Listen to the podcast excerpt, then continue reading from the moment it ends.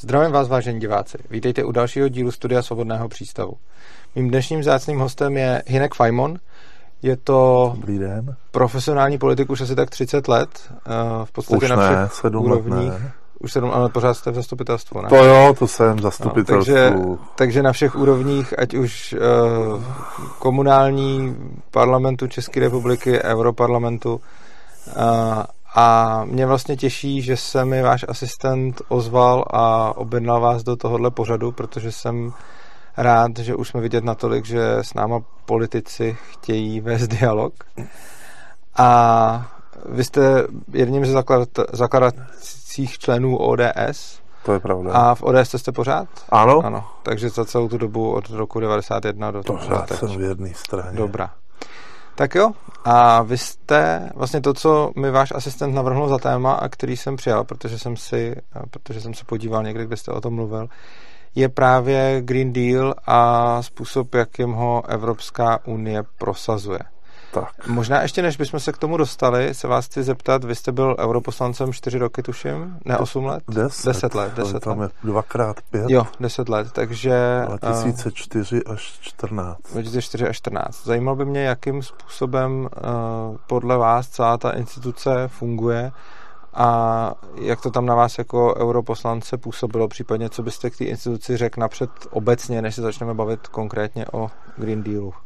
Tak uh, je- já už sedm let nejsem europoslanec, jsem normální člověk, ale politika mě pořád zajímá. No a, a Evropský parlament eh, já mám spojený s takovýma vzpomínkama, a, že to je instituce, kterou tady lidi moc neberou vážně a myslí si, že se jich to netýká a ono to bohužel není pravda, a, že se jich to týká strašně moc. No a teď mám pocit, že zase je doba, kdy teda a ty evropské instituce rozjíždějí obrovské změny, které dopadnou na nás, na všechny a je to na 30 let dopředu, takže ten parlament prostě je důležitý sledovat, co se tam děje a je důležitý se dívat na to, co tam naši a, zástupci, které, které jsme tam zvolili, dělají, jak tam hlasují a co, co tam z toho parlamentu vychází, jaká legislativa, protože to se nás pak všech týká. Eh, K tomu bych měl spíš takovou připomínku, možná i lehce otázku. Jedna věc je, eh, že nás samozřejmě Evropská unie ovlivňuje, druhá věc je, mm, co, my s tím můžeme dělat. Protože stejně v tom europarlamentu se hlasuje spíš podle frakcí a nepřišlo mi, že by někdy vlastně jakýkoliv třeba český český europoslanec jakkoliv výrazně ovlivnil jakýkoliv zákon, který by z Evropské unie na nás dopadl. A když si potom spočítám to, že za prvý, když já dám tomu europoslanci případnému hlas, tak to ještě vůbec neznamená, že se tam dostane. A i když se tam dostane, tak to ještě neznamená, že něco ovlivní. Takže v tomhle smyslu ty lidi, eh, ty lidi svým způsobem chápu. No, to je samozřejmě, to, jako na tom je hodně pravdy, na druhou stranu prostě a jsme se jako republika do toho a, systému zapojili a prostě připouštíme, že tady vzniká zákonodárství, kterýmu jsme podřízení, a který je nadřazený ještě na to naše národní. No takže prostě samozřejmě v Evropském parlamentu, jako je to parlament pro 500 milionů lidí, 28 nebo kolik teď národů, takže těch zájmů je tam hodně a prostě samozřejmě schopnost jednoho europoslance ze 735 nebo kolik tam teď, teď je, prostě je omezená. To je, to je pravda. Na druhou stranu je, ale jsou určitý trendy, které prostě buď to jdou hodně nebo málo a, a jako ten parlament je odvozený od lidí, od voličů, jo? takže nějakým způsobem prostě lidi reprezentuje. Samozřejmě volební účast je nízká, a, takže to svým způsobem zkreslený, protože prostě zastupuje jenom ty, kteří se těch voleb účastní, což je řádově mezi 20 a 50 procenty podle jednotlivých země možná na tom taky je problém v tom, že prostě to, ta účast není větší. No. Možná potom je otázka, eh, jak moc ještě záleží na tom europarlamentu, protože to není vlastně zákonodárný orgán, ale eh, vlastně schvaluje zákony, který tam posílá komise. Tak. Eh, což potom je ještě další otázka, že když tady seděl se mnou Martin Pánek, který byl v Europarlamentu sice ne jako poslanec, ale jako asistent ano. docela dlouho, nevím jestli pět let, možná díl, tak vlastně říkal, že za celou tu dobu nezažil ani jeden zákon, e, který by prostě neprošel a už se ani nevrátil v žádný pozměněný podobě. Že říkal, že si nepamatuje, neví ani o jednom zákonu, který by prostě Europarlament schodil definitivně a už se tam nikdy nedostal. Což potom znamená, že v podstatě ten Europarlament je otázka, jaká je jeho, jaká je jeho vlastně role. No tak samozřejmě je to specifický parlament v tom, že nemá zákonodárnou iniciativu a že prostě projednává jenom věci, které dává komise a komise má tu legislativní monopol prostě na to startovat celý ten proces, ale parlament je brán hodně vážně tou komisí, protože často je to tak, že parlament řekne, že něco si přeje, nebo naopak nepřeje a ta komise to prostě respektuje. Jo. Uh-huh. Že ta symbioza mezi komisí a parlamentem je docela jako velká a komise rozhodně nejde proti parlamentu. Jo. Ta bez toho parlamentu to není možné udělat. A komise ano, má v ruce, co tam pošle, ale prostě potřebuje k tomu tu většinu, takže ta, eh, ty poslanci k tomu potřebuje. Dokonce i často se stává, že parlament třeba řekne, že si přeje, aby se ty věci dělaly, jak si šlo se dál, než komise chce, jo. Takže uh, já bych jako to rozhodně nepodceňoval, protože ve výsledku ta legislativa je závazná, jo. Dobře, říkal jste, že vlastně jsme se tam nějakým způsobem, že jsme si to odhlasovali, naš, naši účast v Evropské unie, což je, což je pravda. Otázka je, vy s tím, vy s tím souhlasíte nebo nesouhlasíte jako vy osobně, že jsme, že jsme členy? Já to respektuju, že jsme se tak rozhodli, no, prostě. To chápu, ale jestli vy osobně si myslíte, že to je pro Českou republiku dobře nebo špatně? No, já si myslím, že to je právě tak, jako ta, ta unie je tak jako provázaná, že pro zemi která je uprostřed Evropy, obklopená zeměmi, které jsou v Unii, že dost dobře nemůžeme tam nebýt. No. Myslíte si, že bychom nemohli být třeba, já nevím, ne, v, ne přímo v Evropské unii, ale součástí Schengenu a podobně? Uh, no, takový ty modely jako Švýcarsko nebo Norsko, to jako nebo Švédsko, nebo různý takový, že jako my svým způsobem aspoň jsme si uhájili zatím, že nejsme třeba členové eurozóny, což já jsem rád, že nemáme euro. A, a tohle je věc, která prostě záleží na tom, jak se na to bude dívat veřejnost, jestli to bude chtít nějakým způsobem omezit nebo ne. A zatím já úplně nevidím tu poptávku jako po po vystoupení.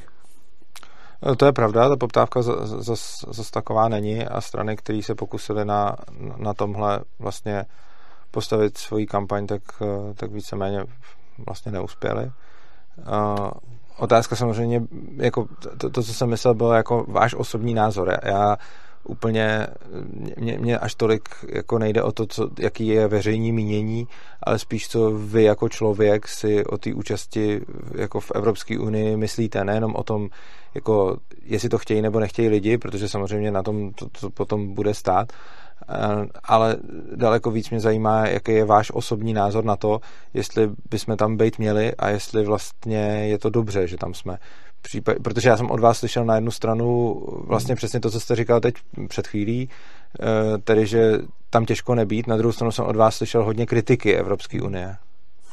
No, to přesně odpovídá mému, mému názoru. No, já jsem jako původně vzděláním historik, tak já se na to dívám jako na nějaký historický fenomén, na prostě evropská integrace je, je myšlenka, která prostě má velkou atraktivitu a, a má určitý pozitivní rysy který, že jo, mezi který prostě patří nějaký překonání těch národních rozporů a tendence těch malých států jako vyvolávat války při určitých krizových situacích a tak. Tohle to prostě je ten, jako ten takový to mírový poselství evropské integrace je prostě pozitivní obecně. No ale pak je tam taky spousta věcí, které prostě ta centralizace umožňuje a to vzdálení toho rozhodování od, od lidí umožňuje prostě masivní jako útěk od, od normálního každodenního života, rozhodování, který prostě vede k různým příkazům a zákazům, který nabývají úplně extrémní podoby a to, to se mi nelíbí prostě, jo. takže jako z mýho pohledu prostě i ta snaha vytvořit jednotný trh, to jsem já vždycky bral jako pozitivní věc, a rozšiřovat lidem prostor pro, pro svobodu, že si můžu prostě podnikat v celé Evropě na základě toho, že jsem český občan a mít stejný práva ve Francii jako francouzský živnostník a tak. To všechno se mi zdá dobrý, ale prostě teď speciálně ta klimatická politika, vůbec ty, ty i, i si myslím, že ta otázka ty jednotné měny, jo, že to je prostě chybný a že ta integrace v mnoha, v mnoha oblastech prostě přesáhla tou rychlostí absorpční kapacitu těch lidí. Jo. Prostě opravdu historie rumunská a historie irská a historie švédská a, a španělská za posledních 80 let je prostě diametrálně odlišná. Ekonomická úroveň těch zemí je odlišná, mentalita těch národů je odlišná a prostě všecky nadspat pod jeden právní řád a, a ještě ten jako ten právní řád dělat podrobnej do, pro každou jako až po tu žárovku, jo. To prostě je jako strašně problematický a myslím si, že to není, do, není dobře, jo. Takže tohle já kritizuju, to se mi nelíbí, no. A teď nejvíce mi nelíbí ta klimatická politika. K klimatické politice se dostaneme, ale ještě bych se chtěl zeptat, uh, já mám trochu pocit, že tohle, co jste popsal právě, je v podstatě vlastnost každého velkého celku, že v momentě, kdy budete mít spoustu úředníků, kteří budou potřebovat vykonávat spoustu práce a vykazovat činnost, tak eh, ať už jsou to na úrovni státu nebo na úrovni nadnárodní typu Evropské unie a podobně, tak si myslím, že jako přirozenou vlastností něčeho takového je přesně tohle, což znamená, že, bude, že se budou snažit popisovat každou kravinu, vymýšlet zákon pro každou blbost. Ostatně eh, vlastně, když se podíváte na všechny vyspělé západní demokracie i na národní úrovni, tak mezi nimi není ani jedna, která by za posledních třeba, já nevím, 50 let eh, prodělávala něco jako, že máte nějakou míru byrokracie a teď jdete směrem k zeštíhlování toho státu mm. a naopak úplně všechny bez výjimky demokracie, jako který tady máme, tak jdou přesně tím směrem, kterým jde i ta Evropská unie, která je teda nadnárodní a jdou tím směrem, že se z, jako zvětšuje moc toho státu a ten stát se snaží diktovat lidem, jak mají žít. Čili ta otázka je, mm, pokud bychom v Evropské unii, zabrý, jestli teda s tímhle souhlasíte, s touhle tezí, nebo jestli mi budete oponovat?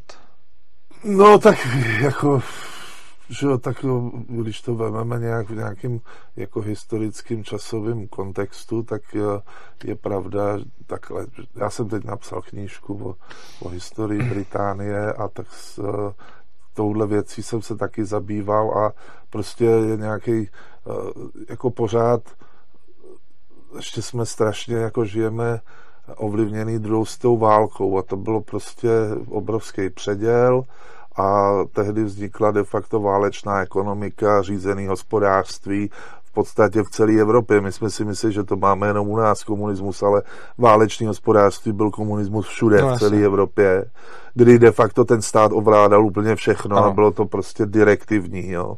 No a potom vlastně v té západní Evropě se od těch 50. let až dejme tomu jako tam šly dvě tendence proti sobě. Jo. Jednak teda lidi chtěli prostě sociální stát, že, že se vybudoval v západní Evropě sociální stát, u nás v nějaký podobě taky. Takže jako moc státu expandovala v tom smyslu, že si lidi nějakým solidárním systémem přes stát začali prostě zařizovat že zdravotní, sociální péči, školství, vzdělávání a tak dále takže ten stát prostě nabopnal, no a potom od, dejme tomu, 70. let, uh, především v té Británii, že byla ta tečeristická revoluce a, a ten stát se vycouval z celé řady odvětví, že jo, z, z, prostě se privatizovalo, privatizovali se byty a tak dále. A u nás po roce 80 tohle taky to jo, proběhlo. Ale... Takže ten stát se jako ano, po válce nabopnál třeba někam na 60-70% přerozdělování v západní Evropě, ale pak se snížil to třeba na 40%. No a, a, teď, doby, a od té doby teďka máte jo. pravdu, třeba od, dejme tomu, přelomu toho tisíciletí je zase prostě ty státy expandujou. To je pravda. Zrovna jak jste mluvil o Margaret Thatcher, že jo, v Británii, tak to bylo poslední, jako poslední doba toho, kdy se nějakým způsobem vliv státu třeba v té Británii snižoval a od té doby už se víceméně jenom zvyšuje a není to zdaleka jenom tam. To je a, pravda, no, souhlas. A otázka teda zní, jakým způsobem, a u Evropské unie se děje to samý, a jakým způsobem byste tomuhle chtěl zabránit, aby se to nedělo, jednak na úrovni státu, ale zejména mě to teda zajímá na úrovni té Evropské unie, jako který konkrét, jakože řekněme, že by se vám povedlo teď jako přesvědčit lidi v České republice, že by se na nás prostě podívali miliony lidí a vy byste je tady dokázal během tohletoho pořadu přesvědčit, eh, já nevím, aby vás volili do Europarlamentu nebo nějakého vašeho kolegu. A teď, teď co můžete dělat, aby tohle přestalo? Jak byste si představoval tu cestu? No takhle, já prostě prvotní věc je potřeba si uvědomit, že jako ve svobodné společnosti, kde lidi se můžou svobodně rozhodovat, tak prostě se zobrazí to, co lidi skutečně chtějí v tom procesu politickým. Jo. Takže jako lidi samozřejmě chtějí i svobodu a chtějí i jako jistotu a solidaritu a chtějí mít prostě být, že,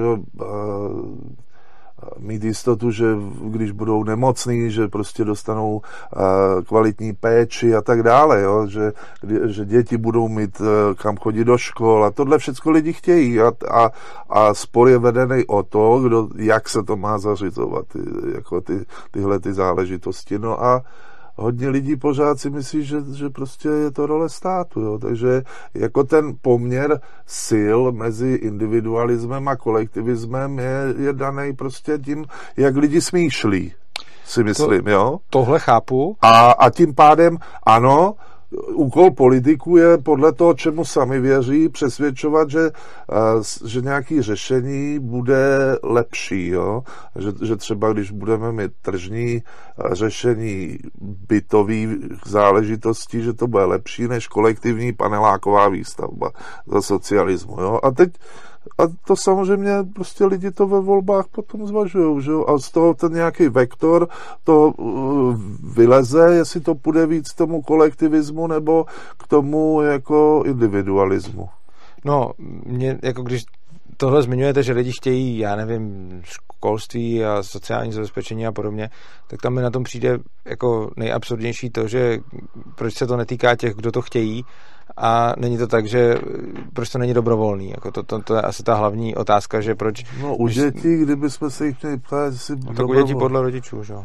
No jo, u dětí, no. děti, já mám tři děti, já nevím, jestli by dobrovolně chodili úplně do školy sami. No to už je zase o dost jiný téma, já osobně si myslím, jako... To, to, ale, to, ale samozřejmě, jako to vzdělávání, prostě, že jo, to je v podstatě, to se vracím k tomu, co jsem říkal, jo, vzdělávání v celé Evropě dneska je výsledkem toho, co se rozhodlo po druhé válce a všude je kolektivní, kolektivistický. Bohužel, ano. Jo, a je tady malinký soukromý sektor, který je prostě... Který je navíc ještě uh, regulovaný státem Přesně, do úplně extrémní míry, což znamená, no. že ty soukromé školy tady nemůžou fungovat tak, jak potřebují.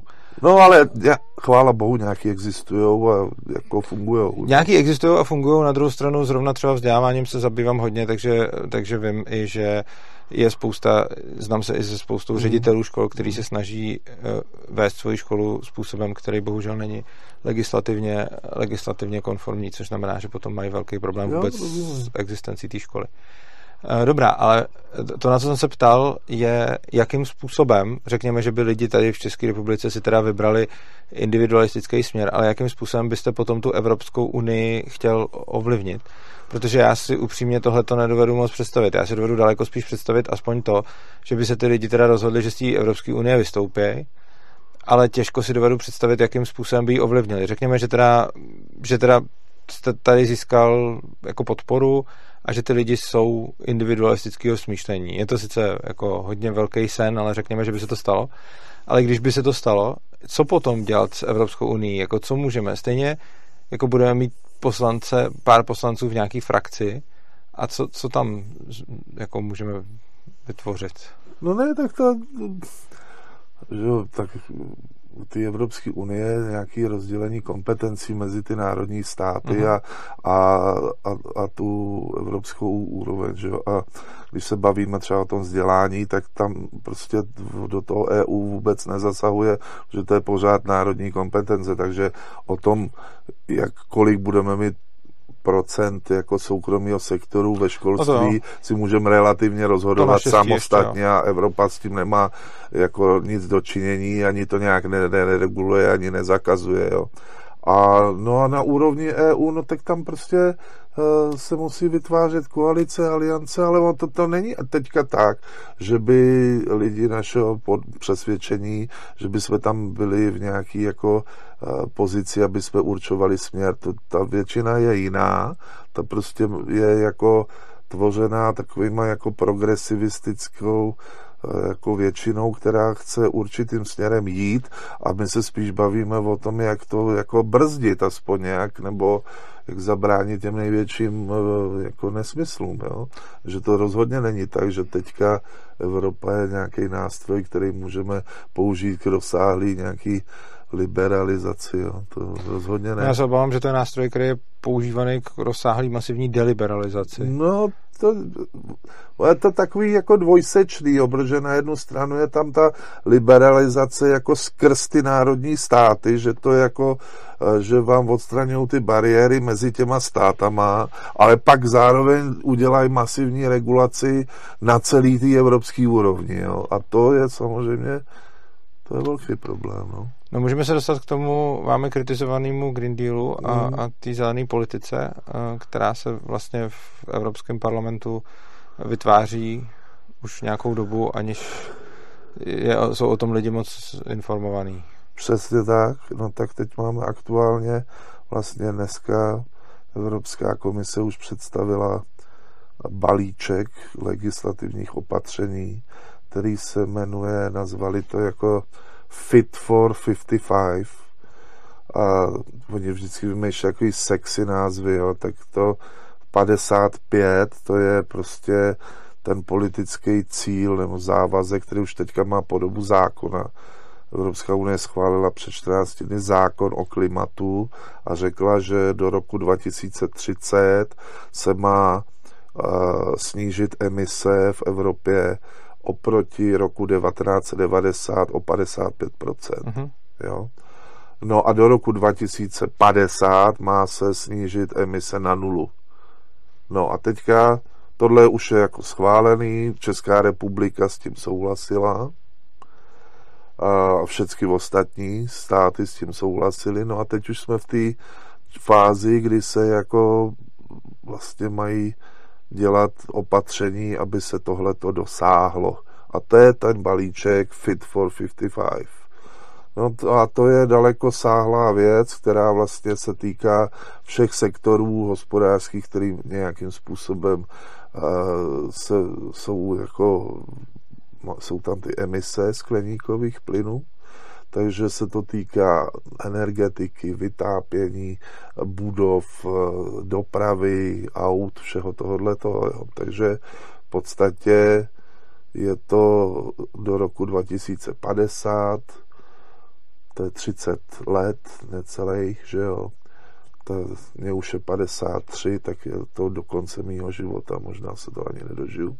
tady máme rozhodnuto, co tady politické se bude, bude dít a to mně přijde jako první taková věc, jo, jako já si myslím, že pokud nějaký klimatické změny jsou, tak prostě se lidi mají přizpůsobovat přirozeně a jako se lidstvo vždycky přizpůsobovalo přirozeným způsobem změnou svého chování nebo migrací nebo čímkoliv a že to nemá být řízen prostě politickým způsobem. Jo? Tak klimatické změny určitě jsou, ty jsou měřitelné, máme zvýšení nějaké teploty o víc než stupeň za posledních, já nevím, kolik, 100 let nebo něco taky, takže nějaká klimatická změna tady, tady určitě je. Otázka je samozřejmě, nakolik je to, je to způsobeno člověkem, což podle mě moc jako nevíme. Je na tom nějaký vědecký koncenzus, ale otázka prostě, jak, jak, moc, jak, jak moc je to relevantní. Jak moc je to relevantní jako lepší názor asi úplně zatím nemáme, ale rozhodně mě celkem vadí, když se k tomu lidi chovají jako k faktu, místo jako k názoru, byť nějakým způsobem No to je samozřejmě jako dobrá debata, jo? To jako do jaký míry je, je to celá ta teorie vlastně uh, dostatečným podkladem pro takhle rozsáhlou tři, jako transformaci společnosti. Jo? Jestli to je dost, já si myslím, že to není dostatečný podklad k tomu. Jo? Prostě já si myslím, že celá ta klimatická věda je prostě a, jako v situaci, jako byla věda třeba fyzika někdy ve starověku. Jo? To je prostě mladá věda, která ještě prostě neprošla nějakými nějakými stupni a, a dostatečnými jak k tomu, aby mohla být jako relevantní základnou pro takhle zá, zásadní jako manipulaci ze, ze společností a de facto k tomu, aby se odmítly veškeré dosavadní technologie, aby se de facto jako implicitně z té teorie vyplývá, že příčinou, bo tak jak je to interpretováno v politice, je to interpretováno tak, že průmyslová revoluce je zlo a, a kdyby průmyslová revoluce nebyla, tak by vlastně klimatické změny nebyly, jo, což já odmítám prostě, jo, že tady díky tomu, že se 200 let spaluje uhlí, tak prostě se vybudovala evropská civilizace a blahobyt. A teď tady vlastně se říká, že tohle všechno a všechny ty technologie máme zahodit a máme vstoupit do a začít používat nějaký jiný technologie, které do značné míry ani nejsou jako, jako tržně na trhu existují, ale nejsou jako konkurenceschopný. Jo? No jasně, tak ono, ono potom do toho vstupuje, vstupuje spousta těch, eh, těch dotací. No a to eh, právě který... vlastně na tom je to celý založený. No a, a teď jako je potom otázka, mě, mě třeba na tom ještě zaujala jedna věc a to, z jakého důvodu já třeba, i když připustíme, že, nebo jinak, klimatickou změnu tu nějakou máme a nevíme, jestli ji způsobuje člověk, ale ani nevíme, že ji nespůsobuje. Prostě to, prostě to nemůžeme, jako nemáme dostatečný mm. jako kapacity k tomu, aby jsme to věděli. Názory odborníků říkají, že ji člověk spíš do nějaký míry způsobuje a teď je třeba otázka, z jakého důvodu se nedáváme, teda dobře, tak bychom řekli, OK, tak spalování uhlí třeba bude způsobovat klimatickou změnu, tak bych třeba viděl jako první krok, dobře, tak nebudeme spalovat uhlí a přejdeme na, na to jádro například. Což má zase svoje jiný, jako jiný nevýhody, protože z toho vzniká, že jo, odpad, nemluvě o bezpečnosti a podobně. Na druhou stranu by se tím minimálně jako případně řešila nějaká masivní, eh, nějaká masivní eh, řekněme, jako krize, kterou bychom si způsobili spalováním uhlí za předpokladu, že skutečně to spalování uhlí eh, tu teplotu zvyšuje. Nicméně tahle alternativa je v podstatě taky jako zamítnutá, respektive celá Francie třeba jede na, na, na jádro, ale Evropská unie jako míří tím směrem, že uhlí ne, jádro spíš taky ne a teda chtějí nějakým způsobem vyrábět energii z obnovitelných zdrojů, jenže to, to není spíš než tržně, to podle mě není dotaženo ještě fyzikálně, jako technologicky, nebo ne, fyzikálně to, to, to je asi moc silný slovo, technologicky to není dosazeno. Ono jako teoreticky fyzikálně z toho bude sehnat dost energie, jako ze slunce, z větru a podobně. Na druhou stranu technologicky ještě nejsme tak daleko, aby jsme dokázali nahradit naše současné zdroje, respektive potom tu energii nějakým způsobem dobře uchovávat, no, protože přesně. tohle zatím ještě vyřešeno není. Takhle, je, je potřeba k tomu ještě říct tu věc, že Evropa vyloženě jako klasifikuje ty zdroje eh, na ty obnovitelný a neobnovitelný. Jo? A, a prostě ty obnovitelný jsou ty správný a neobnovitelný špatný. A jádro prostě je, je braný sice jako, a, že není tam, nejsou emise, což je jakoby plus, ale je to neobnovitelný zdroj, takže jádro Evropská unie nepodporuje, to jenom ho toleruje. Čili ta, ta, jako to přesvědčení je, že prostě obnovitelné zdroje jsou finální řešení, že, to, a, že ne, prostě to všechno má jít jako do těch obnovitelných zdrojů, ale ty, ty obnovitelné zdroje prostě technologicky nejsou dostatečný, mají problémy, prostě nejsou stabilní a tak dále a to prostě vyřešený není. Nicméně Evropa prostě na ně sází a vlastně veškerá veřejná podpora i financování úvěrový bude jenom na ty obnovitelné zdroje. Na jaderné zdroje a žádný jako preferovaný financování jaderné zdroje nebudou moc být použitý. Takže z toho vzniká obrovský problém, jo, protože prostě je tlačen de facto, a tím se dostane k další věci, a jako lze politicky řídit vědecký rozvoj a jeho jako aplikace. Zatím to bylo tak v historii, že většinu, jako 99% vynálezů bylo individuální úsilí. To jsme zase zpátky u toho individualismu. Že je to prostě jeden konkrétní člověk se do něčeho pustí a něco vynalezne a pak je teprve nějaká jako následná aplikace a pustí se to do, do, do života. Že jo? Ale jako málo je věcí, které vynalezly státem řízený výzkumáky. Jo? Hmm.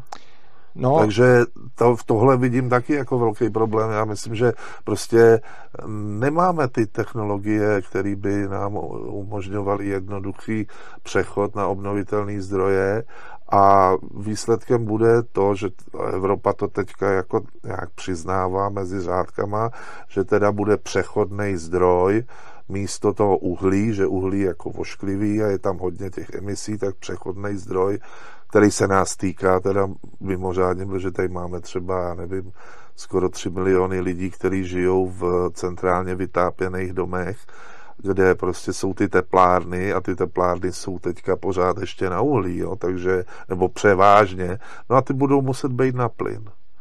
Jo, a ten plyn tady v Evropě nemáme, takže jako uhlí tu máme ještě nějaký, jo když taky už tak dochází, ale Poláci třeba ještě dost, že? takže prostě uh, budeme víc závislí na Rusku a na, na, na Kataru a dalších producentech plynu.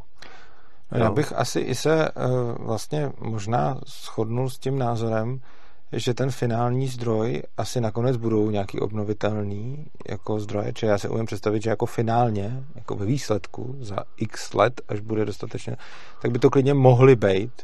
Otázka je, jestli taky nepřijde ta, ta, ta fúze, že jo, to, to, to, to otázka. Ale umím si představit, že, že jako v momentě, kdyby se vyřešilo nějak rozumně, jak tu energii skladovat, tak, tak, by, tak by teoreticky takovýhle zdroje tak by takovýhle zdroje mohly dávat smysl. Uh, já mám trošičku problém s tou doktrínou trvale udržitelného rozvoje, kdy vlastně ono to zní hrozně dobře, ale když se nad tím člověk pak víc zamyslí, tak ono jako na pohled to vypadá hezky, ale nedává mi to vůbec smysl. Uh, nedává Já to, s váma souhlasím. Nedává mi to smysl z toho důvodu, že vlastně uh, tím, že, použiju, tím, že se dostanu do stavu, který je sice trvale neudržitelný, tak můžu mít větší technologický pokrok, v důsledku kterého se potom dostanu k dalším zdrojům, případně už i třeba trvale udržitelnějším nebo i úplně udržitelným. Mně se to moc líbí, že jste tohle to načal, protože já jsem o tom taky přemýšlel docela hodně. Jsem o tom napsal takovou knížečku, kde jsem jedna kapitola byl trvale udržitelný rozvoj. A když jsem teda o tom přemýšlel, co tohle to znamená, to je strašně sexy, že jo jako, jako budeme dělat jenom to, co je trvale udržitelný, ale kdo to posoudí, jako co je udržitelný, to teprve se posoudí v budoucnu. A já mám takový, jako takový bonmot na ten uh, trvale udržitelný rozvoj. Trvale udržitelný rozvoj uh, provozovali naši předkové, protože právě díky tomu, jak oni fungovali, jsme se dostali tam, kde teď jsme tomu úplně nerozumím. Uh... No, že eh, prostě lidstvo nezaniklo. Nezaniklo a naopak se masivně rozšířilo po planetě no teď ten trval... a, a daří se mu. Takže oni se chovali uh, udržitelně. No ale netrvalé. No trvale, co je trvale? Trvalé, trvalé, jakože... Jako nám prostě, jako nekonečno? Tak umím si představit třeba na, na miliony let, bych řekl, miliony že let, ale jako kdo to bude posuzovat? Přece, tak tohle to, jako to si jako myslím, to posuzuje jenom Bůh, jako možná, Já myslím, jo. že tohle to není zase takový problém posoudit. Jako myslím si, že uh, posoudit, který, která třeba, který energetický zdroj je trvale udržitelný, jako v podstatě se dá počítat s tím, že ještě jako pár miliard let tady bude svítit sluníčko a třeba energie ze slunce teda by se dala označit za jako trvale udržitelnou, například. No dobře, ale tak jako, když je ten horizont nekonečno, tak to není udržitelný. Prostě je tady no ne, tak jako... rozpínání a smršťování vesmíru a nakonec prostě... No jasně, když jsem, řekl, když jsem to právě taky jako, když jsem to, no když jsem to taky o, jako ohraničil no. na, jakože slovem trvalé můžeme myslet řádově třeba miliony let je trvalé v podstatě no. z hlediska lidského života. Ale a... jako kdo má, proč bychom měli takový jako hledisko uplatňovat, jo? No to, já, to, to, to je druhá věc, tam s vám souhlasím. Já jsem jenom oponoval tomu, že si nemyslím, že se to nedá posoudit. Myslím, že posoudit se to docela dobře dá. To, co si myslím, je, že není rozumný za každou cenu tak konat, protože tam mi vlastně napsal jeden, jeden z našich posluchačů, říkal, hele, když člověk utíká před tigrem, tak jeho tělo vyprodukovává tolik adrenalinu a všeho, že to rozhodně není trvale udržitelný, přesto tuhle tu funkci potřebuje na to, aby neumřel. A přijde mi, že s tou společností je to, je to podobný. Že prostě, to je prostě- dobrý příklad. Že, že prostě třeba potřebujeme nějakých pár desítek, možná stovek let spalovat něco, co, bys, co tady ani nebude potom už dál, aby jsme se dostali technologicky k tomu, že přijdeme na něco, co tady třeba obnovitelně bude trvalé. No, uh, jo, souhlas. Jako já si myslím, že lidstvo má právo využívat všechny zdroje a všechny technologie, které jsou k dispozici a že prostě klásí otázku, kdyby, kdyby eh, vynálezce parní lokomotivy eh, si kladl otázku, jestli je trvale udržitelný topit pod kotlem a jezdit s vlakem, No tak myslím, že dneska pořád jezdíme na koních a nebyly by auta, byli by jsme někde úplně jinde. Jo. Tahle otázka je vlastně, je, to je vnuk jako od zelených jako podvod, který vlastně říká, že jakýkoliv úsilí lidský je prostě uh, vlastně není možný uh, najít činnost, lidskou, která by neměla negativní dopad jako na okolí. Prostě člověk je je tvor, který přeměňuje přírodu. Vždycky to tak bylo. A vždycky to tak bude. A oni to chtějí předělat. A chtějí, aby jsme se dobrovolně zřekli těchto těch věcí a dobrovolně e, se prostě jako odsoudili k chudobě. A to já myslím, že je jako principiálně špatně. Já jsem na straně těch vynálezců. No, ta, tam nejde ani tak podle mě teda o to, jestli na to člověk má nebo nemá právo, ale otázka, jestli uh, jak dlouho to takhle lze dělat, aniž uh, potom z toho budou vyplývat nějaký dost negativní následky. Čili tady zase jako já rozhodně nebudu tvrdit, že to, že klimatickou změnu způsobuje člověk je dokázaný, protože není. Na druhou stranu ta teorie je plauzibilní a můžeme se jako docela domnívat, že to tak třeba je. Neříkám, je to tak, není to tak, ale můžeme, jako, je třeba počítat s variantou, že to tak je a že jsme si tu planetu o ten stupeň jako ohřáli. Ne, neříkám, že to je jediná možnost, že to tak musí být, ale může to tak být. A potom je teda otázka, jak dlouho můžeme postupovat stejným směrem a nejde o to vůbec, jestli bychom na to měli nebo neměli právo jako lidi, protože proč bychom neměli, ale spíš mě jde o to, uh, jestli to potom náhodou nebude znamenat a k tomu zase mám nějaký jako skeptický jako úvahy, ale jestli to náhodou potom nebude znamenat to, že ten, že ten přechod potom bude muset být mnohem bolestivější a rychlejší, nebo že se dostaneme za x desítek let do stavu, kdy prostě najednou zjistíme, že ten problém máme a že na něj nemáme řešení. A že, že, že pak ta transformace nebude trvat 30 let, ale bude najednou muset trvat prostě okamžitě, což nebude udělat. No, ona se tady jako straší tím, že prostě eh, zvýšení teploty na planetě povede ke katastrofě. Já si myslím, že to prostě eh, naše schopnost tohleto ovlivnit je nula. A nebo eh, jako zastavit, nebo za nějakým způsobem to jako zastavit, že opravdu nula, nebo skoro nula, jo. Nebo limitně se blížící nule, aby paní profesorka z matematiky ze střední školy měla radost, jo. A že prostě, ale ty náklady, které si, si uděláme, tak ty budou prostě eh, naopak jako obrovský, no. Takže z mého pohledu je to jako, eh, že se snažíme řešit problém, který prostě obrovsky jako draze, místo aby se pouze řešily ty dopady. Pokud to nastane, pokud nějaký ostrovy se zaplaví, no tak se prostě transferují ty lidi jinam. Jako ta planeta, prostě my jsme koule, která letí vesmírem, nikdo neví, jak to dopadne, jako jak dlouho tady budeme. Prostě jako tady jsme u existenciálních jako věcí, které prostě a, a myslíme si teď, a ještě v 70. letech a v 60. letech v minulém režimu se říkalo poručíme větru dešti a mně to přijde teď hrozně podobný, jo, že jako že si myslíme, že jsme tak, tak vyspělí, že už dokážeme řídit počasí, podnebí, klima, že to ovlivníme. Já si myslím, že ne. No tady bych právě možná oponoval, že asi ho nedokážeme řídit, ale možná ho dokážeme, možná tím, co děláme, ho nějakým způsobem ovlivňujeme. A to, tohle ovlivnění rozhodně, teda pokud to způsobujeme, můžeme jako zase revertovat ve smyslu, jako za předpokladu, že, že tady skutečně oteplujeme planetu, tak ji můžeme ne poručit větru dešti, ale můžeme ji prostě přestat oteplovat. Jo, chápete, že, že, tam, že tam asi není to o tom úplně jako začít řídit počasí, ale je to o tom, pokud měníme klima, tak to přestat dělat, protože následky můžou být vážný. Samozřejmě já si asi taky úplně nemyslím, že jenom protože je tady ta možnost, tak to komukoliv dává mandát někoho násilím nutit k čemukoliv, protože to podle mě taky není dostatečně, dostatečně podložený.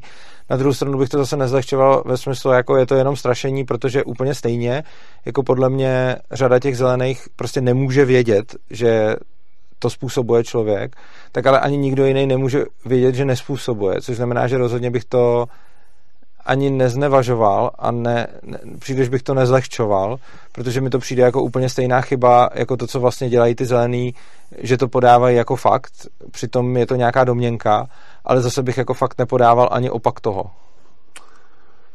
Uh, já nevím, já teď prostě žijeme v době, kdy nemáme žádnou jistotu o tom, uh, že nějaké takové nebezpečí hrozí. A hlavně jako ta adaptace by byla daleko jednodušší, takže jako mně se především nelíbí ty radikální opatření, které teď se na, prostě navrhujou, vzdát se spalovacího motoru a tak dále. Prostě to si myslím, že jako pokud by to mělo mít smysl, jenom za předpokladu, že by to byla globální akce, což není, že to bude stejně jenom evropská věc a Evropa je tak malý emitent, že prostě ve výsledku to žádný význam mít nebude.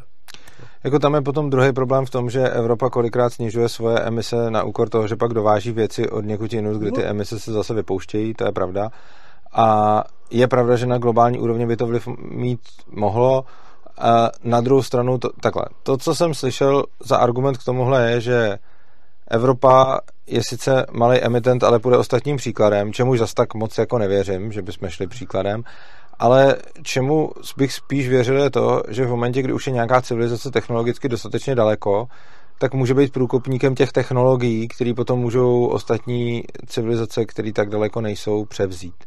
No, to, tohle to oni říkají, jo. A tohle to, jako tohle to mi zase smysl, tím já neříkám, že bych, jako, že, bych, že bych to lidem nutil a že bych je za jejich peníze nutil prostě něco takového dělat, ale zase mi připadá, eh, zase nepřijde mi moc dobrý ten argument, že když to udělá jenom Evropa, tak je to k něčemu, protože tohle to je sice pravda, ale ono na to taky navazuje, pokud objevíme technologii, kterou to půjde dělat v celé Evropě, tak velice pravděpodobně to znamená, že to podobnou technologii půjde dělat i jinde po světě.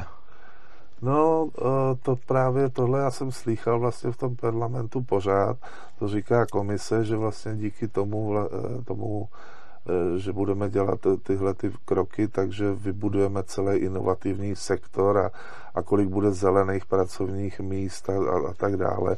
Ale ono to tak není. Prostě pokud nějakcí takový výrobci jsou, tak jsou v Ázii, v Americe. V Evropě žádný producent solárních panelů není. Ale na tom přece moc nezáleží, ne? No ne, eh, ty všichni eh, ty výrobci těch nových technologií jsou v Ázii a v Americe. V Evropě nejsou. V Evropě byli nějací a bylo jich jenom pár a všichni zkrachovali nebo odešli prostě. Čili to, ten, to, co říká komise, že tady díky tomu vznikne tehle ten jako novej, uh, nový know-how a že to budou lidi dělat. Ne, v Evropě to není. Tak. A to je přece irrelevantní, odkud, uh, odkud se ty panely, jestli bude vyrábět Evropan nebo Američan nebo Azia, tam přece uh, jde o to, najít tu technologii, ať už se najde kdekoliv, eh, díky který by mohla celá Evropa fungovat nějakým způsobem. Ano. A v momentě, kdy se ta technologie najde, a ta by se mohla najít klidně v Americe nebo v Asii, to je jedno v zásadě, tak potom v momentě, kdyby Evropa na té technologii začala fungovat, tak potom se to dá tímhle tím způsobem vlastně jakoby okopírovat i jinam, jako časem, v tom smyslu, že přece eh, hlavní problém těch obnovitelných zdrojů je skladování té energie. Když by se tohle vyřešilo, a to by mohli klidně na základě evropské poptávky vyřešit třeba američani nebo, nebo hmm. číňani, to je jedno. Tak když by se tohle vyřešilo, tak potom by to řešení bylo aplikovatelné i dál do světa. To je pravda, ale zase prostě já jenom konstatuju, on to samozřejmě je důležitý, jestli je to v Evropě nebo ne, jo, ale eh, prostě ty, ty nejnovější technologie prostě do toho investují a reálně to dělají jenom Číňani a Američani, Evropani ne. Jo, jestli nám to pustějí nebo nepustí, to je další věc, ale prostě uh, jako ten argument, který používá komise, že díky tomu prostě Evropa bude jako na čele pokroku a, a vědy a tak dále, to prostě neplatí, to není tak, jo. Takže to je jako, jako hezký argument, ale prostě fakticky to tak není, jo. Že bychom to možná mohli uplatnit, pokud to budeme nebudou na to patenty a tak dále, to asi jo. No. Já jsem ne, nepoužil ten argument, že by Evropa byla technologicky na špici. Já jsem použil argument, že by, a ten, to ten není jako, nevím, jestli je Evropský komise, to, to jsem spíš jako použil já tady, eh, že za předpokladu, že bychom našli způsob, a je úplně jedno, kde na světě se najde způsob, jak celou Evropu eh, provozovat energeticky eh, tak, aby se snížily třeba výrazně emise, jako já jsem dost skeptický k jejím snížením na nulu, ale třeba, aby se snížili nějak velice výrazně. No ale ta potom... nula už je zákonná, jo? Já vím, že je zákonná, ale, jako... ale jsem skeptický k tomu, takhle, vím, že ta nula je zákonná, ale jsem skeptický k tomu, že se to, to nějak jako v dohledné době stane, protože si myslím, že nula za 30 let je prostě moc ambiciozní cíl a že je v zákoně mi nepřijde moc jako relevantní, protože ho bude v zákoně. Ostatně Evropská unie si před nějakýma deseti lety dala zákon, že ekonomicky předžene Ameriku. Jako k no, to, ne, to nebyl zákon, to, ne.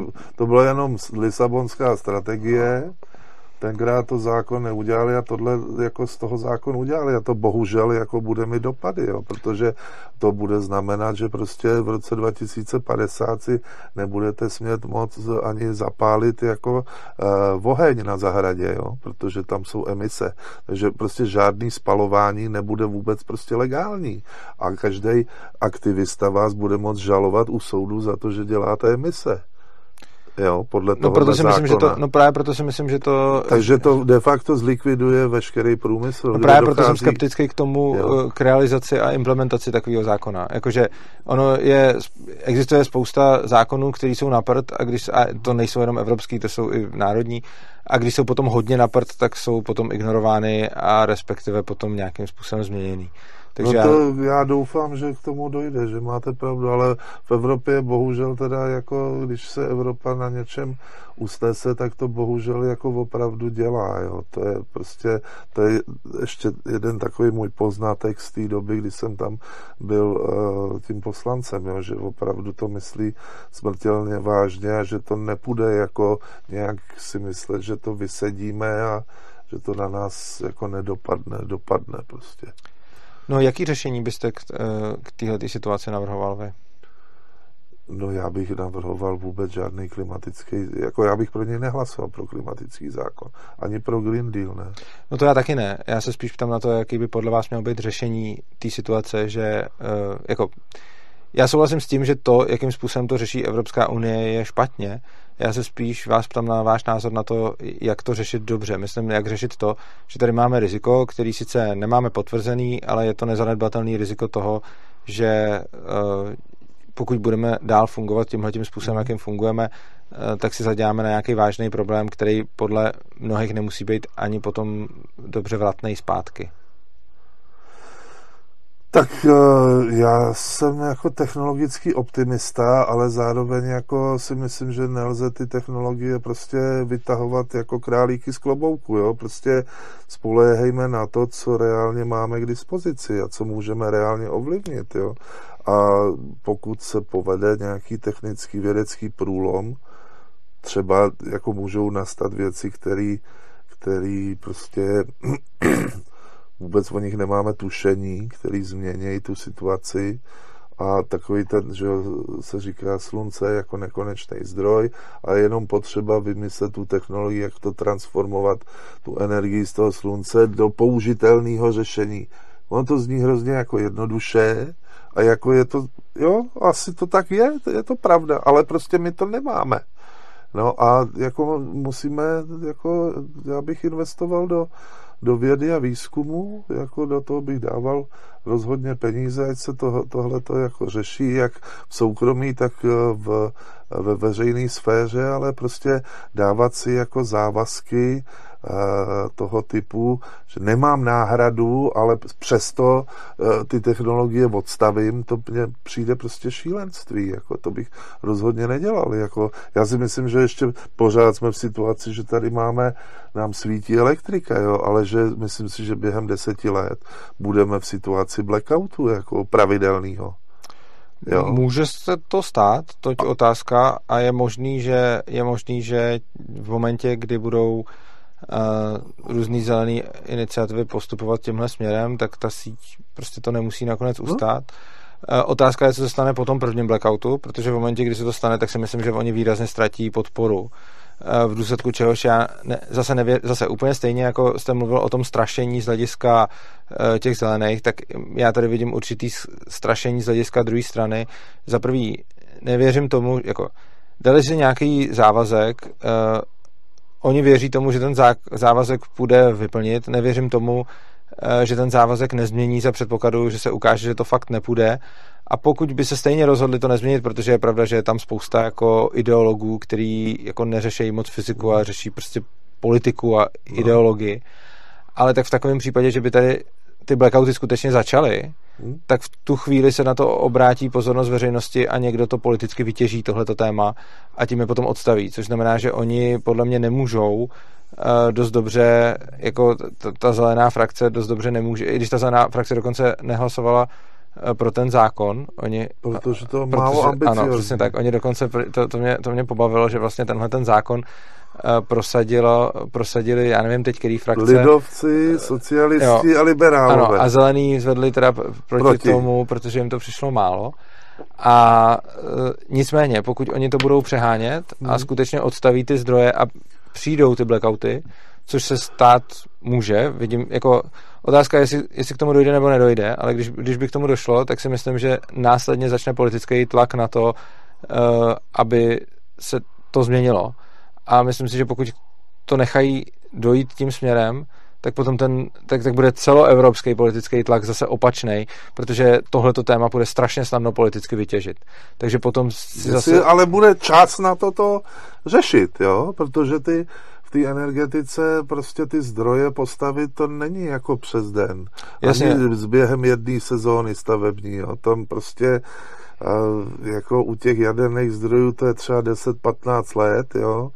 A u těch eh, prostě plynových, no paroplynových různých těchto těch eh, tak prostě je to pět x let. Jo? O, tom, o tom nemluvím, že by, že by to nějakou dobu netrvalo, ale myslím si, že něco takového by potom ukončilo tuhle tu eh, jako éru typu prostě bude nula emisů. No, no, víceméně ano, myslím si, že... Éru myslím Grety. Si, myslím si, že ano. Myslím si, že by, to, že by ta popularita těchto těch řešení klesla, protože spousta lidí, kteří uh, tyhle věci jako zastávají a tak, tak oni často nevidí ty důsledky, takže se strašně často můžete bavit s člověkem, který vám říká o tom, že jako, jako měla by být čistá příroda, člověk by ji neměl ničit, neměly by tady být žádný chemičky, fabriky a obchodní centra, ale ten člověk den předtím si byl do obchodního centra nakoupit, koupit, nakoupit a potom jde k sobě domů, kde se prostě umé mejdlem vyrobeným v té chemičce, rozsvítí si světlo, zatopí no, si a půjde spát do postele, která jasně. taky byla nějak vyrobená. Takže no. prostě ono potom si myslím, že v momentě, kdy ty lidi začnou na ně doléhat důsledky té jejich politiky, tak si myslím, že část z nich otočí, plus si myslím, že eh, by to ztratilo podporu veřejnosti. Takže se domnívám, že oni budou nucený to dělat takovým způsobem, aby se tohle nestalo a myslím si, že když by se to stalo, tak skončí. No, to uvidíme. Bude to velký experiment. Nikdy v dějinách se tohleto vlastně nikdo to neskusil. Jo. Jako, je to opravdu uh, jako grandiozní plán, jo, kdyby mě tohle někdo řekl před 30 lety, že tady bude takováhle věc, že prostě bude celoevropský plán předělat všechno, zničit automobilismus, prostě udělat elektromobily, předělat úplně všechno, že to vůbec jako bude moct jako tohle to vzniknout a projde to a schválí se to, tak bych tomu nevěřil. A dneska to tu máme. A teď je otázka, co to přinese. Já od toho teda čekám jenom jako, to, jako strašný problémy a myslím si, že ve výsledku na tom vydělá prostě Čína, Amerika, tam prostě uh, ten biznis pojede dál, no a Evropa skončí bez vlastního průmyslu. No, já mám na vás ale pořád ještě otázku. Vy jste říkal teda, že vaše řešení by bylo nějakým způsobem dávat peníze do vědy. A já tam potom nevidím, ale dávat peníze do vědy jako jaký peníze? Jako ze státního rozpočtu nebo? Já jsem říkal soukromí i, i ty, mm-hmm. i, uh, i i veřejný, jo, jako já jsem pro, si myslím, že, že prostě stát má být vůči technologiím jako neutrální a pouze má právo, dejme tomu, říkat, že nějaké technologie jsou jako uh, špatně, když škodí zdraví lidí nebo, nebo přírodě, že jo, takhle to teďka je, no, ale prostě říkat, že, že jako automobil škodí přírodě, emise má kvůli prostě teorii z globálního oteplování. No, jako tady, tady je potom otázka. Já mám tady trochu pocit, že uh, když byste tam chtěl dávat veřejné peníze, čím se to principiálně liší od toho, co dělá Evropská unie těma dotacema? Jako čím se liší to, že vy chcete dávat peníze do vědy jako veřejný od toho, když Evropská unie eh, dotuje soláry? No ne, já jsem měl na mysli to, včera jsem seděl na ČVUT na, na schůzce kde eh, jaderní fyzici zkoušejí vymyslet modulární eh, malý reaktor, který by byl použitelný pro vytápění eh, městských tepláren. Tak to je projekt, který prostě bych podpořil i z veřejných peněz, aby mohli, a myslím, že i je podpořený z veřejných peněz, aby byli konkrétní, aby jsme se bavili o konkrétních technických a technologických řešeních a na to, aby byly peníze. Tak jsem to No tohle chápu, ale potom jo. si myslím, že to jediné, v čem se to liší, je ta konkrétní technologie, kterou chcete nebo nechcete podporovat. Vždyť přece to, co dělá Evropská unie, je, že cpe dotace do elektromobility a podobně a vy byste teda nadspal uh, dotace do jaderného minireaktoru. Ne, ale... Já, já, ale já bych nezakazoval žádný, žádný uh, technologie. Jako nikdo nezakazoval parní motor, nikdo nezakazoval parní lokomotivu a prostě byla, vy, uh, byla vyřazena z provozu konkurenčním tlakem přirozeným. Jo. Čili jo? byste šel cestou dotování technologií, ale ne zakazování? Uh, no ne, já si myslím, že, že, dot, uh, že technologie se mají prosadit tržním způsobem. Jo? No ale to přece není slučitelný s dotacema. Dotace přece nejsou tržní způsob. Dotace, dotace jako, to, jako na technologii a na vědu mě nedělají problém. To si myslím, že jako je věc, kde prostě ve výzkumu a ve vědě jako tam prostě do, jako dáváme peníze na univerzity, aby zkoumali různé věci to je v pořádku. No jo, ale vy jste říkal tržní způsob a pak jste mluvil no o No pak je ta aplikace, že jo. Jako vymyslej na univerzitě nějaký řešení, no a pak je to otázka už prostě firem, který do toho, nebo podnikatelů, který do toho půjdou a budou to, to dávat na trh, jo. No a tady je vlastně integrovaný systém, celá Unie se snaží vlastně celý tenhle ten systém ovládnout s jednotným cílem. Já nevím, jestli to je správný cíl, tohleto. Jako, jo, prostě ten svět je jako má víc možností, jo, ne jeden. A my si tím zavíráme cestu. Jo? My říkáme obnovitelný zdroj jenom. Znamená, že nikdo vlastně už nebude podporovaná jaderná fyzika. Ty lidi, kteří to vystudovali, tak už vlastně to dneska jako nikdo to nepůjde studovat, nebo málo kdo, protože to prostě nebude preferovaný zdroj. Tak pořád ještě těch jaderných elektráren je dost, že celá Francie jede na, na jádro. No ale jako e, perspektiva jádra je jako útlum. V Evropě žádná jaderná elektrárna, jako kromě ve Finsku něco tam jako se snaží a jinak jako se nic nestaví.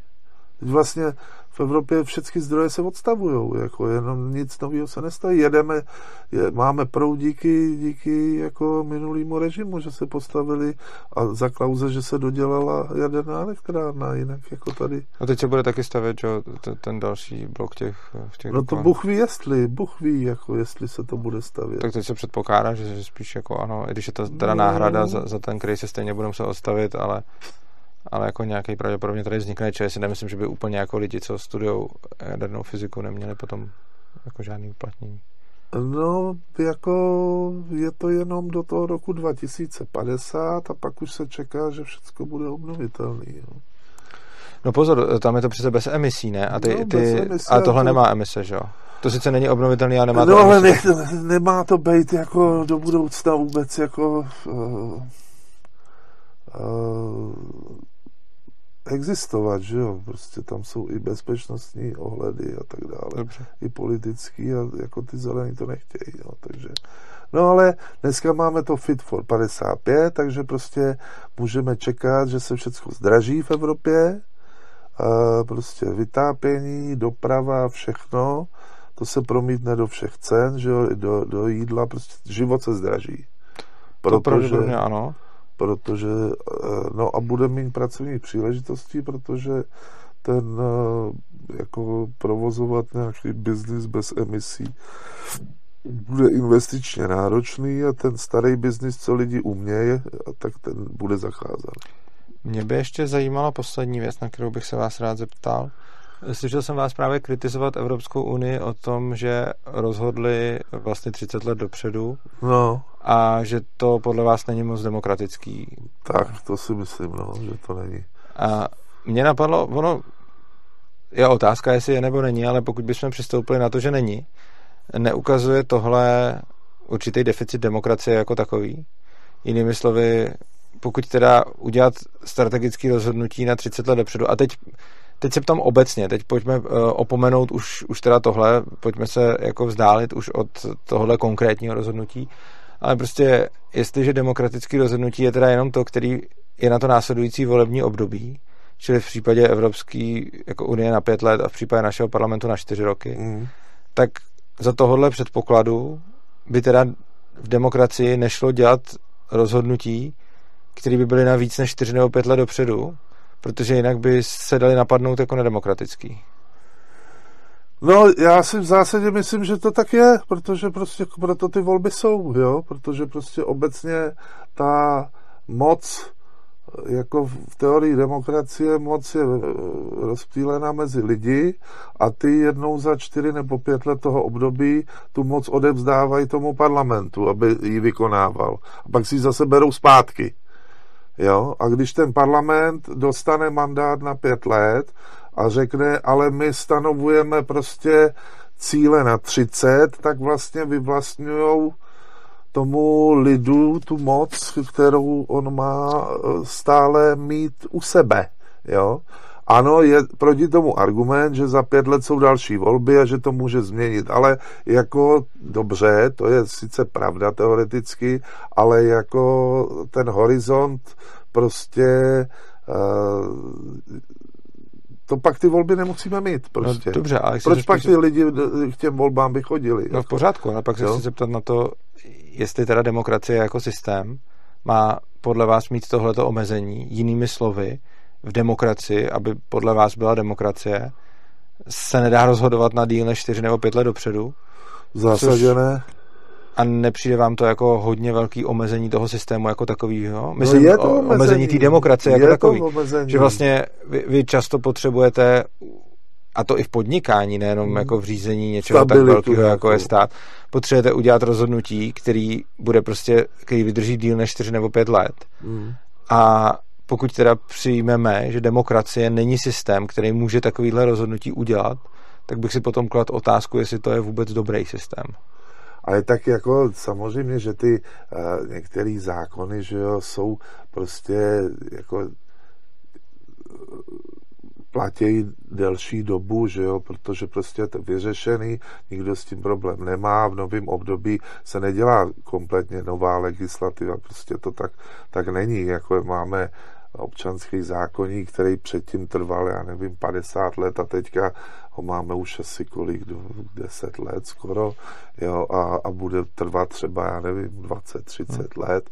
Takže jsou samozřejmě a, věci, které i překračují to volební období, ale mělo by jich být jako minimum, jo, protože mělo by to být opravdu tak, že a, aby ty volby měly smysl, aby tam ty lidi vůbec měli zájem chodit, tak, tak by měly mít smysl v tom, že se rozhodne, co se v tom dalším období bude dělat, jaký ten směr bude v té zemi. Jo? To ty volby jsou přece. Jo? A když řekneme, ne, tady už na 30 let máme stanovený prostě zelenou revoluci, volby vlastně, můžete si volit, co chcete, nějaký extrémisti, ty chtějí něco jiného, tak ty ozna, eh, který to nechtějí, tak ty označíme za extrémisty a jede se dál. To není úplně jako podle mě normální systém. Tak podle mě jako demokracie není úplně optimální systém. Na druhou stranu eh, potom mi přijde zvláštní vytýkat to zrovna zrovna téhletý věci. Já chápu, že se vám nelíbí, ona mě se taky nelíbí, ale potom mi přijde zvláštní proti ní argumentovat něčím, čím vlastně bych mohl argumentovat proti skoro všemu, co se v demokracii stane na díl než jedno volební období. Ku příkladu, eh, mluví se teď v poslední době o potřebě důchodové reformy, a ta důchodová reforma už z principu musí přesahovat volební období, jinak je k ničemu. No dobře, ale, ale tak si položte otázku, kolik takových věcí je, který přesahují to období. No tahle třeba zrovna určitě jo. No dobře, to je jasný, že? protože prostě lidský život, a máme společnost, kde jsou lidi uh, No ne, já nemyslel důchody, já myslel, já myslel emise a přecházení na, na jiný zdroj energie je rozhodně otázka, bez ohledu na to, co si myslíme o tom, jak by to mělo nebo nemělo no, být, no, rozumím, tak no. to je rozhodně otázka, která přesahuje volební období už proto, že jak jste před chvílí říkal, vybudovat prostě jadernou elektrárnu je 10-15 let, takže to už jako z principu věci musí být na několik volebních období. No dobře, ale tak jako musím pořád stejně mít možnost v těch volebních obdobích s tím něco udělat. Jo. No čili si myslíte, že jakoby je, vlastně by to mělo fungovat tak, že třeba jakože je žádoucí, aby jedna vláda rozestavila jadernou elektrárnu a no druhá... to samozřejmě, že ne. Jako to prostě, ale stejně i ty, dobře, když jsme u té jaderné elektrárny, tak musí být k tomu rozhodnutí, je to na nějakou dobu a má, má stanovenou prostě délku, do kdy může běžet, že jo. To je prostě, a to se musí rozhodnout, ale nějakým jako potom a to je otázka, že jo, v demokracii tyhle ty věci, které jsou, mají dlouhodobý dopady, tak by měly mít nějaký vyšší kvórum svalovací, že by tam mělo být víc těch uh, lidí, kteří jsou pro, že jo, to, to máme, dejme tomu ústavní zákony a běžný zákony, že nějakou takovou, nějaký rozlišování tohohle už máme a asi by to mělo být i na té evropské úrovni udělané.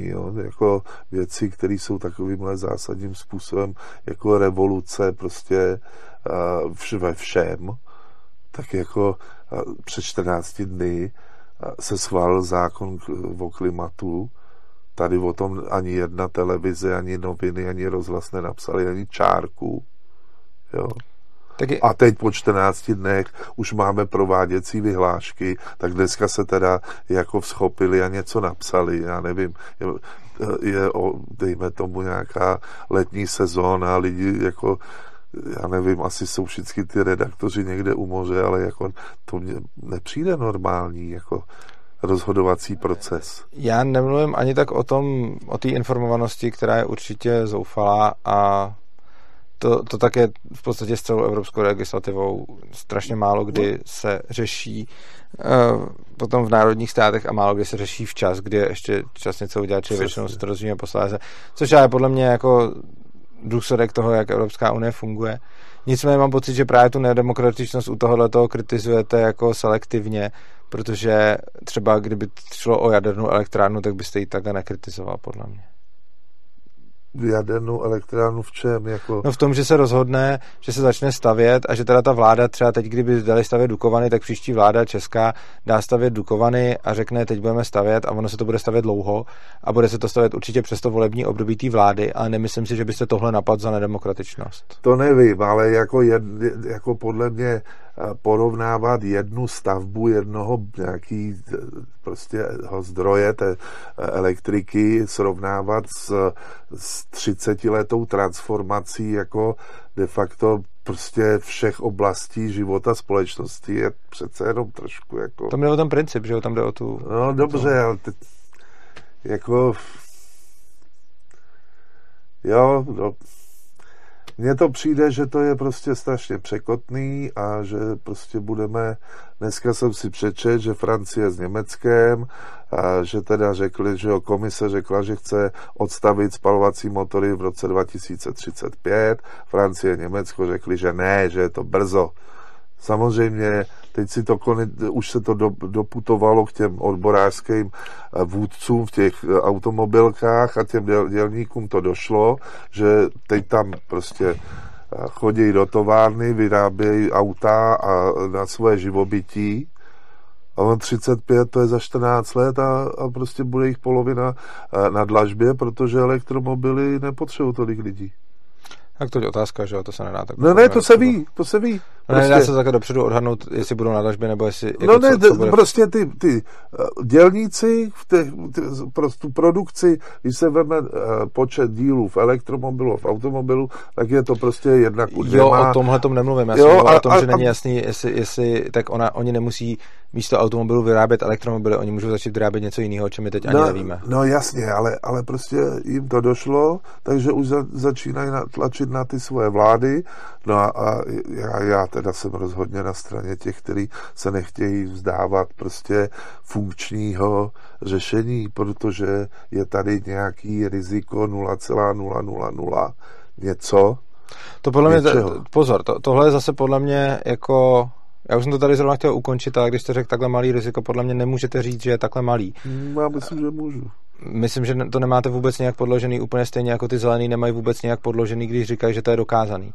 Prostě míru tohohle rizika podle mě ne, nemůže, není nikdo schopný určit, protože to jako prostě nemáme no dobře, vědu dost daleko na to, aby ale, jsme upočítali míru tohohle rizika, no, což znamená, ale, že to riziko tady nějaký je a jeho míru nedokážeme vyčíslit.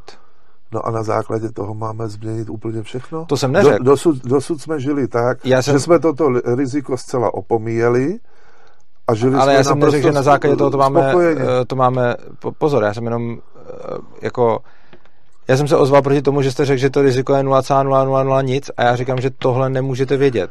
Já neříkám, že na základě toho, že máme Já ho takhle který... cítím, já ho takhle vyhodnocuju z mýho pohledu, z mých znalostí, já bych proto nehlasoval, ani pro Green Deal, ani pro uh, Fit for 55. To je za mě, jo. To já prostě, taky ne. Ano, máte pravdu, že musíme vážit rizika a náklady těch řešení, to všecko, ale prostě já říkám, že to, to riziko, který tady se zve, jako říká, že existuje za tyhle věci, které jsou schválené, nestojí. To je moje politické stanovisko. Ale já bych taky nezvednul ruku pro Green Vidíte. Deal ani Fit for 55, ale to ještě neznamená, že budu bagatelizovat to riziko, úplně stejně, protože nechci být stejný jako ty zelený, který proto tu ruku zvednou a tvrdí, že to je dokázaný a oni že to tak to prostě nezvedli, Oni to... Jo, oni pravda, zelení nezvedli. To máte pravdu, ty řekli, že to je málo, to je fakt. Ale prostě to, to, to, co chci říct je, že nevymítejme čerta dňáblem a pokud je tady proti nám jako nějaká druhá strana lidí, kteří říkají, máme vědecky dokázáno, že člověk způsobuje klimatickou změnu a prostě nemají, tak pojďme nebejt jako oni a neříkat, šance, že to tak je, je 0,00 nic, protože prostě tohle taky nevíme. Ta šance tam je, my nevíme, jak je velká. Současný vědecký poznání neumožňuje nijak změřit ani kvantifikovat. A proto bych jako byl rád, kdyby se obě strany držely spíš té racionální debaty a neulítávaly na jedné straně k určitě to tak je a na druhé straně ta šance je 0,00 nic, protože si myslím, že ani jedno z toho nemůže nikdo vědět. Já si myslím, že se hlavně má vést debata o těch uh, konkrétních věcech, co prostě uh, ten Brusel chce udělat, jo, a jsem hrozně rád, že jsme si o tom mohli popovídat, mm. že se snad uh, lidi o tom trošku víc dozví. Uh, prostě je to velká věc, bude se nás to týkat 30 let, v podstatě se tomu, tomu ne, nelze uniknout a a, no a jestli tím něčemu pomůžeme. Tak uvidíme, co nám budoucnost přinese. Přesně. Já vám moc děkuji, že jste přišel. Eh, divákům děkuji Díky. za pozornost. Eh, pokud chcete šířit naše myšlenky dál, budu rád, když nazdílíte tohleto video. Pokud nás chcete podpořit, můžete velice rychle odběrem kanálu, protože čím víc budeme mít odběratelů, tím lepší hosty si můžeme zvát. A konečně jsme nezisková organizace, která nepobírá žádný peníze od státu ani z Evropské unie. Eh, žijeme čistě z vašich dobrovolných příspěvků, který nám můžete poslat dole pod videem. Najdete naši bitcoinovou, litecoinovou adresu i bankovní spojení. Tam nás můžete odměnit za tohleto video a pokud se vám líbí tvorba svobodného přístavu celkově, tak největší podpora, kterou nám můžete dát, je pravidelná. Dole najdete taky link opristavu.urza.cz a i když nám budete měsíčně posílat velice malou částku, tak tím eh, můžete potom podpořit to, co tady děláme. My můžeme na základě takových peněz plánovat, co si můžeme všechno dovolit, na co si můžeme najmout lidi a co ještě musíme dělat sami. Takže já vám moc děkuji za pozornost, mějte se krásně a uživejte si života. Ahoj.